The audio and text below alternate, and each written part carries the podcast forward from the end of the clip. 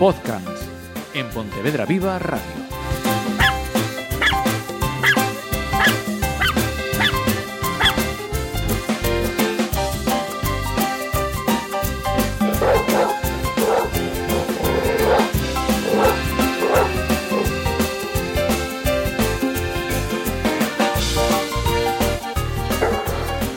Hola, saludos a todos los que seguís este podcast titulado Podcast y que hablamos pues de, de las mascotas. Eh, hay que agradecer además el, el, seguimiento que le estáis dando a estos programas, que no es mérito de quien está hablando, sino de nuestro adiestrador canino, Diego Álvarez. Bienvenido. Muchas gracias. Para un programa más. El último que habíamos hecho eh, estaba centrado en los perros potencialmente peligrosos. Correcto.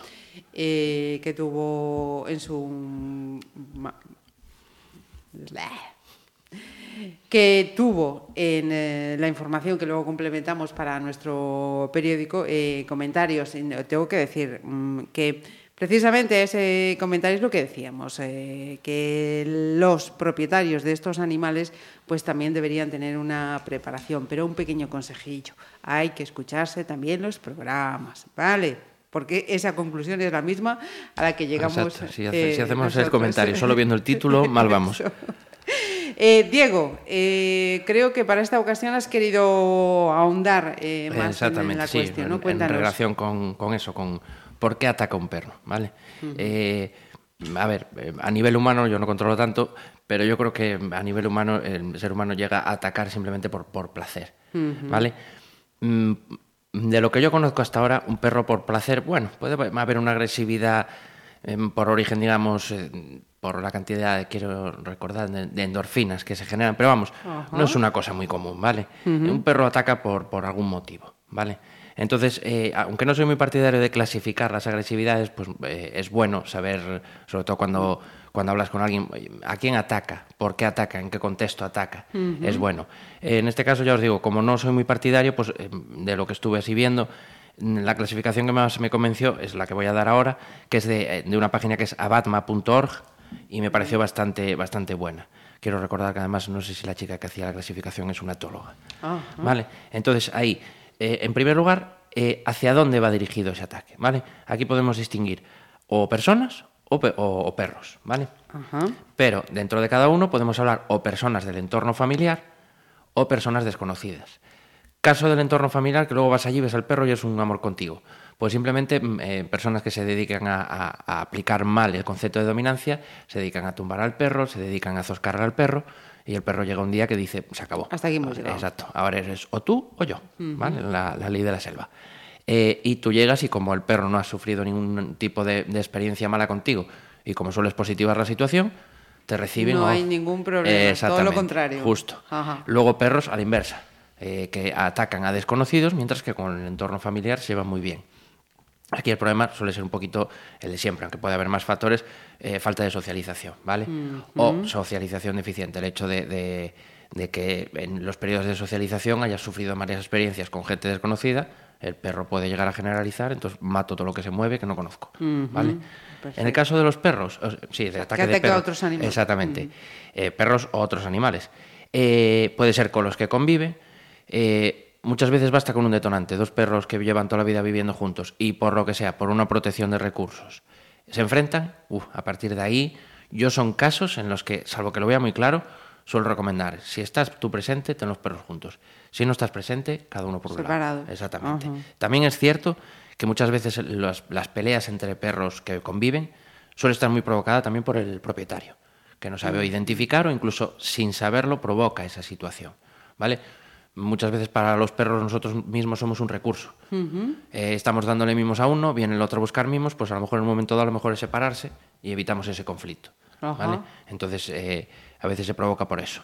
También puede estar, a, a ver, ataque a perros o a otros animales desconocidos, eh, lo, lo, mismo de antes, perros con falta de una socialización o incluso entre machos enteros por un problema de testosterona, o hacia perros y animales conocidos que no conviven con ellos. ¿vale? Nuevamente, dos perros que se llevan bien, tienen en la calle que llevan toda la vida jugando una trifulca y a raíz de ahí empiezan a tenerla cada vez que se ven y ya a 50 metros ya están activados. ¿Vale?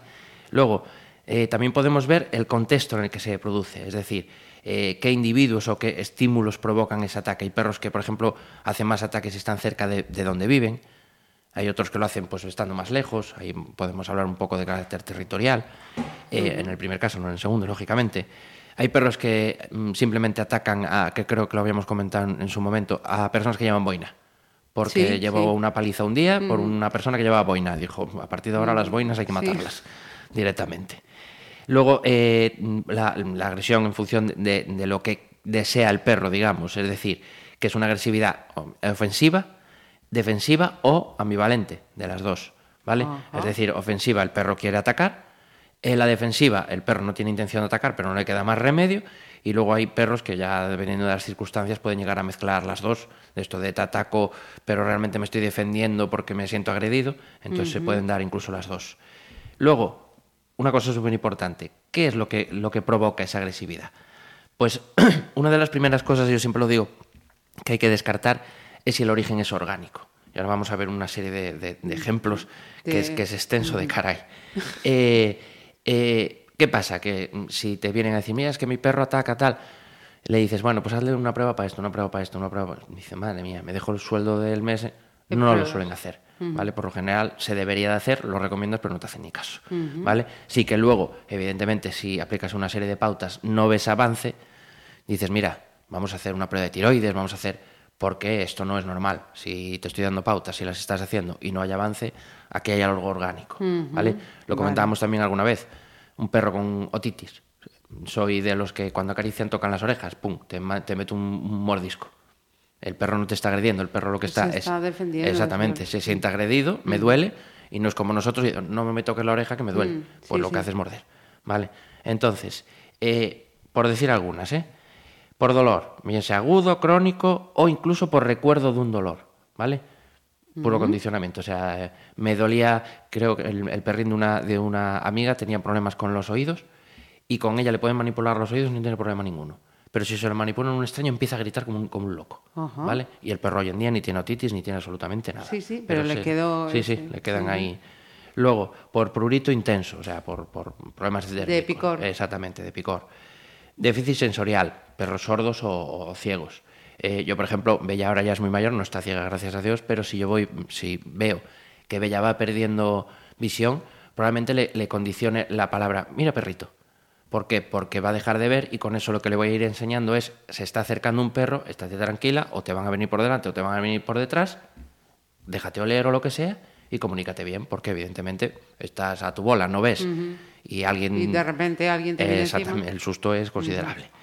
Eh, por problemas endocrinos, eh, hipotiroidismo, Cushing, diabetes, eh, diabetes, perdón. ¿Los eh, perros pueden tener también hiper, hipo o hiper? sí, no sí, sí, sí, Y lo de la diabetes, que yo creo que ya habíamos comentado aquí el caso de, una, de una chica. Sí, sí, sí. En algunas cosas son muy... Como el sistema orgánico es bastante parecido al nuestro, pues sí, en algunas cosas tienen lo mismo que nosotros. Eh, alteraciones propias del sistema nervioso central, tumores hidro, estamos espesos hoy, hidrocefalia, epilepsia, un montón más.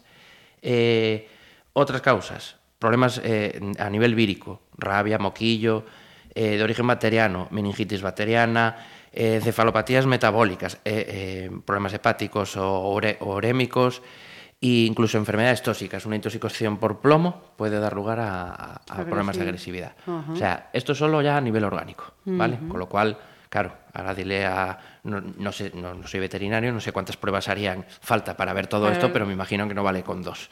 ¿vale? Incluso hay algunas que me imagino que hará falta, si es, por ejemplo, algo en el, cerebro, resonancias y tal, y no son pruebas precisamente baratas. Baratitas. ¿vale? Entonces, como no hay seguridad social de los perros, pues no te queda otra que pagarlo del bolsillo. Vale, esto solo a nivel, eso, que, es un problema orgánico. Eh, ahora pensemos que el problema es no orgánico. ¿Cuál suele ser el origen? Lo que, uno de los principales, lo que comentamos siempre, falta de socialización o socialización eh, eh, negativa, digamos, lo que hablamos. Conozco 100 perros cuando estoy entre la tercera semana y cuarto o quinto mes de vida, pero de los 100 perros me atacan, a veces basta con uno, ¿eh? pero me atacan 30. Pues a lo mejor ahí ya hemos pecado y ese perro va a tener problemas con otros perros. He conocido a 20 personas diferentes y de las 20, 5 las experiencias han sido malas. La hemos cagado. eh, cuando estaba en periodo crítico de socialización, pasé delante de un colegio y de repente aparecieron 50 niños a chucharme, a tirarme de las orejas, del rabo. Y ya no puedo ver a Eh, exactamente, ¿vale? Entonces, eh, muchas veces viene por ahí. Luego, falta de estimulación, o sea, lo mismo, es eh, mm, perros que se crían en las aldeas o así, no hay experiencias negativas, pero sí que hay falta de, de- de esas experiencias, de esos, de esos contactos, digamos. Frustración, perros que toleran muy poco la frustración. Eh, sí, es igual que nosotros. Hay gente que hablas con ellos y discutes de algo y intentas razonar tal, y hay otros que a la tercera frase lo que te hacen es arremangarte una hostia porque "Mm, perdí la razón, pues te arremango una hostia. Pues es lo mismo. Sí, cuando no hay argumentos a veces, Eh, exactamente. lamentablemente. El principal problema que hablamos siempre de los perros, estrés. Uno de los grandes ta- también problemas de los perros, los miedos, ¿vale? Que suelen estar asociados con esa falta de, de socialización, traumas, eh, carácter territorial, ¿vale? Entonces, eso eh, tenemos por un lado, sin problema, o sea, con problema orgánico y por otro lado con problema orgánico. Ahora, habíamos hablado antes de, de que la agresividad podía ser ofensiva y, Y defensiva. defensiva. Vale. Dentro de la ofensiva, pues por ejemplo por protección de recursos. Esto es muy importante. Justo además hablé hoy con una chica de Barcelona. Nunca, creo que lo tengo dicho muchas veces, pero esto es como lo, de, como lo del estrés. Lo repetiré hasta la saciedad. Nunca le quitéis nada a un perro. O se lo intercambiáis, o si tenéis tiempo, paciencia y alguien que os lo explique, o por voluntad propia, haciéndolo bien, enseñarle al perro el comando deja. ¿Vale? Pero nunca le queráis quitar nada. El perro va a proteger ese recurso. El perro no entiende, esta salchicha que me voy a comer tiene alfileres, no me la como porque me voy a morir. No lo entiende. Entonces, tendemos a quitárselo rápido, que aprenda el perro a tragar rápido. Y mm, en caso de que sea algo que no lo puede tragar rápido, me lo vienes a quitar, te arranco la mano. ¿Vale? Entonces, nunca, nunca. Eh, ¿Qué se hace con los niños pequeños? Siempre pongo los mismos ejemplos. Eh, deja- no, déjale eso a, a Manolito. Oh. Bueno, pues mira, te dejo yo esto y tú le dejas esto a Manolito. Ya está, un intercambio, no pasa nada. Cuando luego son adultos, pues entienden que las cosas hay que compartirlas y ya está. Pero la capacidad del perro es la misma. No, no tengo que compartir. Un, un tópico, por ejemplo, que mm, tú me dirás, eh, pues sí, pues no. eh, mientras un perro está comiendo, no se te ocurra mm, tocarlo, por Eh, sí y no. O sea, soy muy partidario de eso, pero eh, tampoco, o sea, mm, suelo recomendar que el perro entienda que, que nosotros acer- nos acerquemos a la comida para el perro es algo positivo y no algo negativo. Y así prevenimos ese, Ese tipo de conducta. Exactamente. Mm, Primera fase es sencillísimo. Pasas al lado del perro mientras está comiendo en el comedero, comedero no, con, y le tiras una chuche más rica de lo que tiene el comedero. Segunda fase, después de que eso lo vea, el perro siga comiendo sin problema ninguno. Hace lo mismo, pero al pasar lo que haces es acercar la mano al comedero y dejar caer el se premio en el comedero. Tercera, mientras le estás ofreciendo está con el con lo que sea, le ofreces algo más sabroso, manipulas el con y antes de que se acaben los premios, sueltas el con y te retiras. Y con eso le vas enseñando al perro, acércate todo lo que quieras. Es decir, a mí me ponen una ensalada y alguien se acerca a mi comida y me lo cambio por churrasco, digo, llévate la ensalada, ya estás tardando. O sea, lo tengo clarísimo, ¿vale? Entonces, es eso, es un... un- no un en este caso no es un compartir, es un, mucha gente esto lo ve como un chantaje, no es un chantaje, es que la capacidad, como decimos siempre, del perro cognitiva es muy diferente. Es un, es bueno que me acerque, tío, no es malo. Con lo cual, pues hasta a lo mejor incluso tienes un perro que te acercas al comedero y ya se aparta en plan, tira, tira, tira, que mola. sí. Vale, entonces no cuesta absolutamente nada. Ajá. Luego, ofensiva mm, e intrasexual, es decir, lo que hablábamos antes de machos eh, eh, con testosterona elevada, pues que tienden a... Además, la típica frase cuando te cruza, yo como bellas muy grandota, todo el mundo huye. Y yo pues, sé que no va a hacer nada, bueno, no va a hacer nada, lo que decimos siempre, yo no pongo la mano al 100% Sí. de que no va a hacer nada, igual que no digo mi hermano mañana no puede matar, o sea, esto es así. Eh, pero siempre me dicen, ¿es macho o es hembra? Y yo suelo decir, es hembra, lo que me apetece decir es, es educada. Vale. Eh, si tu perro no le toca las narices, no va a saltar.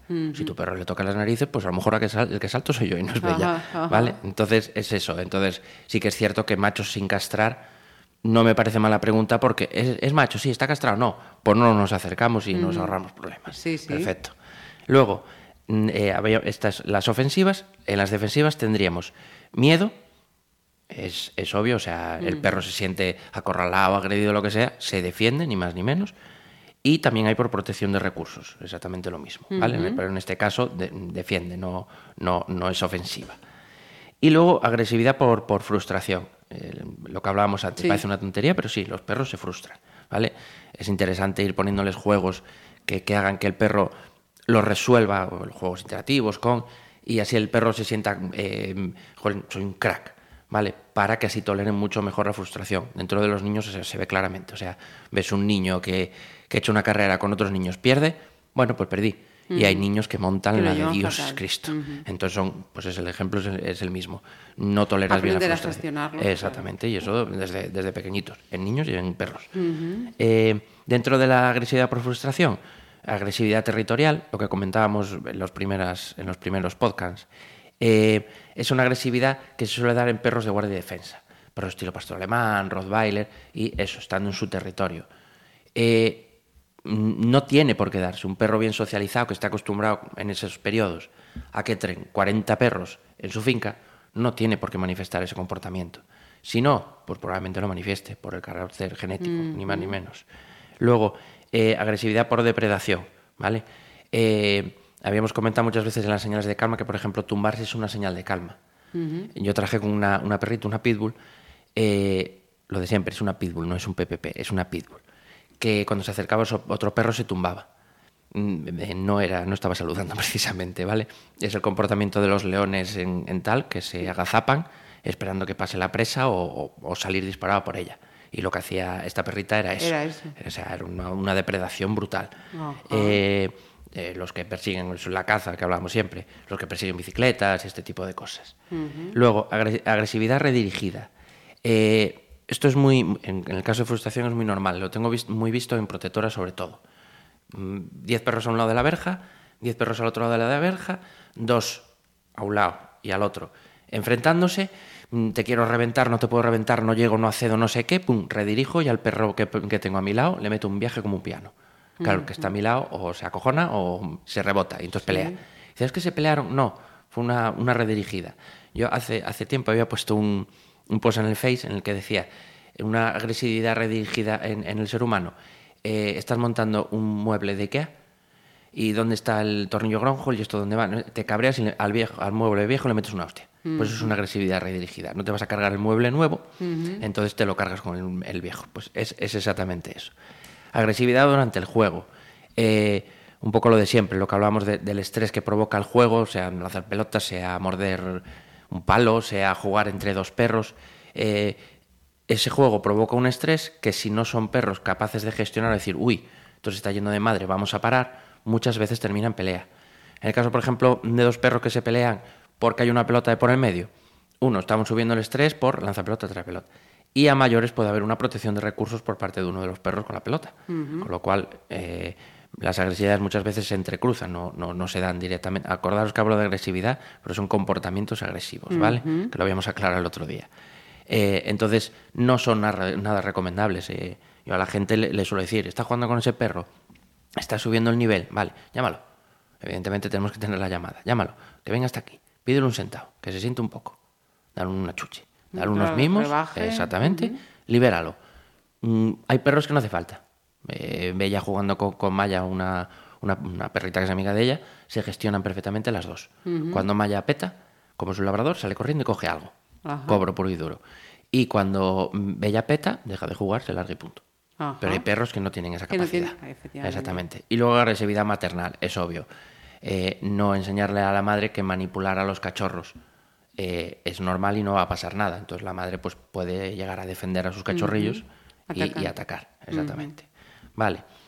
Visto todo esto, eh, me- eh, con el ejemplo típico que suelo poner de lo de, falta de socialización o, que haya habido, entre comillas, digamos, errores en la socialización. ¿Por qué llega un perro a ser agresivo? Imaginemos un perro que tiene una comunicación brutal, pero tiene miedo a otros perros. ¿Cuáles eran las escalas de comunicación? Señales de calma, señales de advertencia, inmovilidad oída y agresión. Se acerca otro perro, que la comunicación la tiene, vamos, mal no, lo siguiente.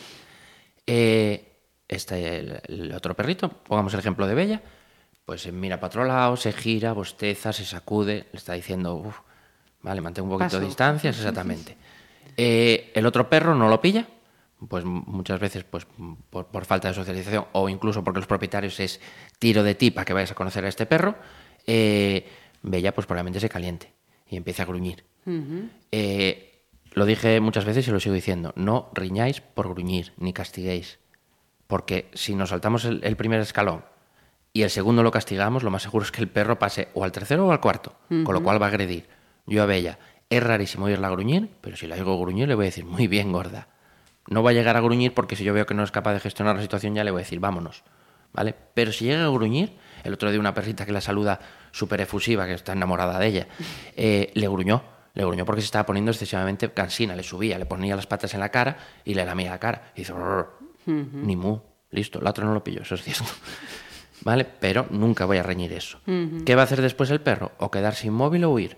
¿Vale? Eh, lo de siempre, eh, no esperes a que tu perro huya, vete tú con él. Porque el perro si huye, entra en pánico, lo que va a pasar es que va a ir o, o bien hacia casa o bien a Chascastilla. Ah, luego hay que buscarlo. Sí. ¿Vale? Y lo último que va a hacer siempre es agredir. No le interesa, ¿vale? El perro cuando agrede no es consciente de, vale, yo voy a agredir por lo que sea, por defenderme, por lo que sea, eh, pero me pueden agredir a mí y me pueden hacer una herida que me implique la muerte. No es consciente de, no, porque me va a llevar al veterinario y me va a poner puntos de sutura, no, ¿vale? Entonces va a intentar no hacer eso, ¿vale? Entonces no le interesa absolutamente para nada. Eh, y básicamente ese es el ciclo para un perro estable que va a hacer de comunicación, que lo hemos dicho muchísimas veces, y por lo que al final eh, te acaban llamando, mira, es que quiere matar todo lo que se mueve.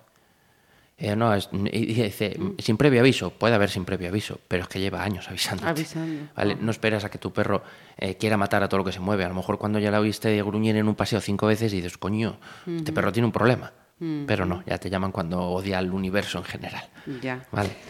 Mira, eh, Diego, estos días en Pontevedra Viva pu- publicábamos el, caso aquí de, de un perro que atacó a otro perro, fue aquí en, en la Alameda. Eh, yo te quería preguntar, porque había, había dos cuestiones. Digo, mira tú, mm, cómo son las cosas, a veces eh, coinciden. En el último podcast estábamos hablando eso, de, de estas eh, razas, ¿no? Perros potencial. Al margen, al margen de eso, sí que, además, en otros programas también has hablado del de, eh, tema eh, correas, sujeciones, arneses y tal. Y, y yo leía que un, el propietario de uno de los dos decía, claro, es que no, no, no tengo problemas con el arnés o con la correa porque se suelta, está flojo, tal. Mm, no, casi que me sonaba que tampoco es muy justificable, ¿no? Evidentemente no. O sea, yo si tengo un perro que ya me ha dado comportamientos eh, reactivos, o sea, comportamientos agresivos por reactividad, eh, y se me ha soltado de la correa, co- coño, pues compra una más potente o, o compra un collar más. Hay arneses que, que tienen, creo que los hay nuevos ahora, de tres sujeciones, que se te suelta una, bueno, pues tienes dos más. Entonces, a mí como excusa, pues no, o sea, me parece... Y aquí entramos un poco, yo no sé si lo he comentado alguna vez, si no lo comento ahora, en lo de siempre. ¿Cómo va la gente paseando por la calle? Sea con correa, sea sin correa. Pasando del perro por completo. Evidentemente, si, si yo paso del perro, no sé lo que el perro me está diciendo. Lo que hablábamos muchas veces también, comunicación, no monólogo. Eh, ¿Se podía haber prevenido? Pues me imagino que sí. O sea, un perro por lo general, cuando focaliza, o es por algo muy bueno o es por algo muy malo. Yo, si Bella veo que focaliza, primero intento encontrar en qué, en qué lo ¿Hacia está dónde? haciendo, Sí. exactamente, y luego veo si cuál es la actitud, si buena o mala. Si es buena y es por otro perrito, bueno, pues como tiene buena comunicación, ya está. Si es mala, pues como puede pasar, porque tiene depredación con, con gatos. Vamos, gorda. Me mira, boom, me llama mi perra y así no ataca un gato. Entonces, ¿qué pasa? Llevamos un, un, entre comillas, un arma de relojería, porque vuelvo a decir, me da igual que el perro sea un pincher, me da igual que el perro pese 40 kilos, un arma de relojería a la que no le prestamos atención. Entonces, ese pincher le puede hacer verdadero daño a un bebé de 3 años, a un niño de 3 años, y ese bicho como bella de 40 kilos me puede reventar a mí. Si prestásemos atención, eso no pasaría. Y luego lo de siempre, factor genético, está ahí. ¿Vale? Lo que hablábamos el otro día del Seat Panda y el Ferrari de Fernando Sí. Alonso. Bueno, ya no está en Ferrari, pero Sí. el coche de que conducen en, en Fórmula 1. No es lo mismo. Y vuelvo a decir, pero no es lo mismo tampoco un pastor alemán. No es lo mismo que hablamos el otro día el pastor de Malinois. Entonces, no me vale la excusa ni de que sea Pepe. No, lo que, eh, lo que mejor define, aunque suena tópico, es la tenencia responsable. Es decir, eh, la gente va por la calle con armas. No. Pues esto es lo mismo. O sea, realmente, eh, mm, si, si tú sabes manejar un arma, la podrías llevar en la calle. Pues si sabes manejar un perro, también lo puedes llevar en la calle. ¿vale? Eh, O sea, no estoy diciendo en ningún momento que luego... Sí, que la gente vaya con armas, sí, sí, luego se, se les va la olla. Eh, que un perro sea un arma, pero puede llegar a serlo. De hecho, como se usa en, en Estados Unidos, lo usan como un arma. Lanzan al perro para que vaya a por el que tenga que reventar porque ha secuestrado o ha matado o lo que sea. Con lo cual, si se puede usar como un arma, pues evidentemente. También un boli puede ser un arma. Vale, entonces, en ese sentido, sí, eso es un poco lo, lo- lo de siempre. Eh, ¿Quién lo va a pagar? El perro. Porque eh, con esta situación también yo tenía otra duda, ¿no? Eh, eh, la respuesta ah, a la hora de separar a los animales. Vale, eh, a ver, lo ideal ahí es siempre sujetar al perro de los cuartos traseros, porque es donde el perro tiene potencia y donde va a apoyarse pues a la hora de sacudir o, o- o de intentar tirar para desgarrar. Entonces lo ideal es sujetar de los cuartos traseros. Si es un perro de, de mandíbula muy potente, mm, hay límites en los que ya puedes hacer lo que te dé la gana, que la única opción es con una cuña de madera, metiéndolo por el lateral de la boca, en las muelas, y hacer palanca.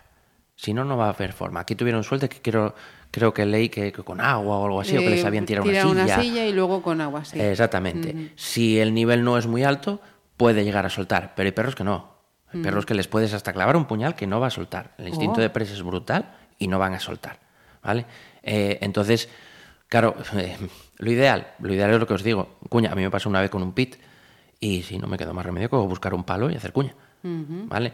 Eh, y eso, sobre todo, intenta- hay otro método, no directamente te lo voy a contar a ti después, en privado. Vale, porque luego lo cuentas aquí y la gente se se, vuelve. sí, eh, es una- eso por un lado y otro por, por otro lado. Lo van a poner en práctica y van a matar más de un perro, con lo cual no me interesa. no, no compensa. Exacto. La, la opción es eso, en, en elevados instintos de presa, una cuña de madera y, y abrirle la boca al perro.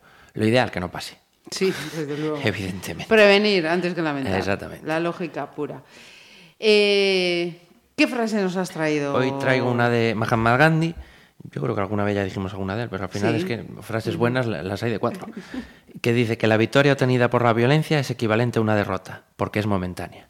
Y me parece muy bueno, pues, cara al tema de lo de los perros. Sí. El perro no va a querer obtener nada con la violencia, no, no, no le interesa. Sí. Siempre va a intentar, eh, o sea, le va, le va a interesar hacerlo por las buenas. Entonces, eh, en ese sentido es por eso.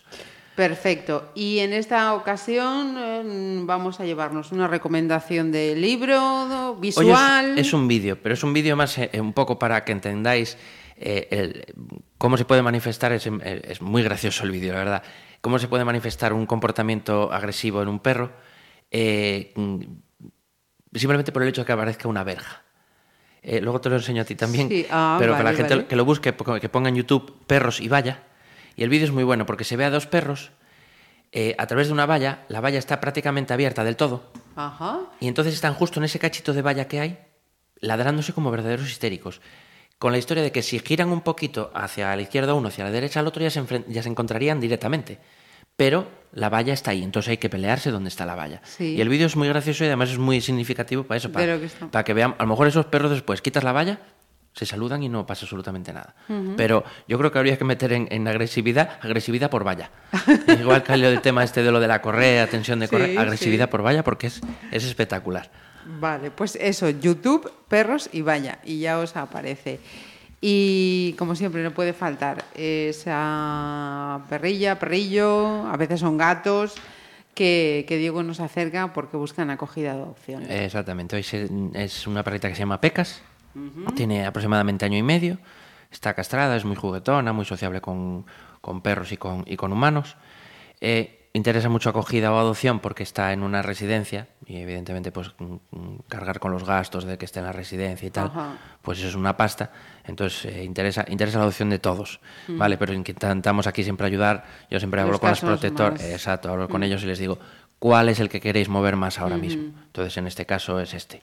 Y tiene además pasión por el agua. ¿Pasión por el agua? Sí, con lo cual en los meses de, de invierno ya se los puede llevar a la playa, feliz que iba a ser. Ajá. Es, es de, de Cadeliños, no tengo aquí apuntado el teléfono, pero creo que ya pusimos más de ellos. sí. exactamente, entonces se, se vuelve a poner el teléfono y- listo. Perfecto. Pues Diego, muchísimas gracias. A Un vosotros, programa más.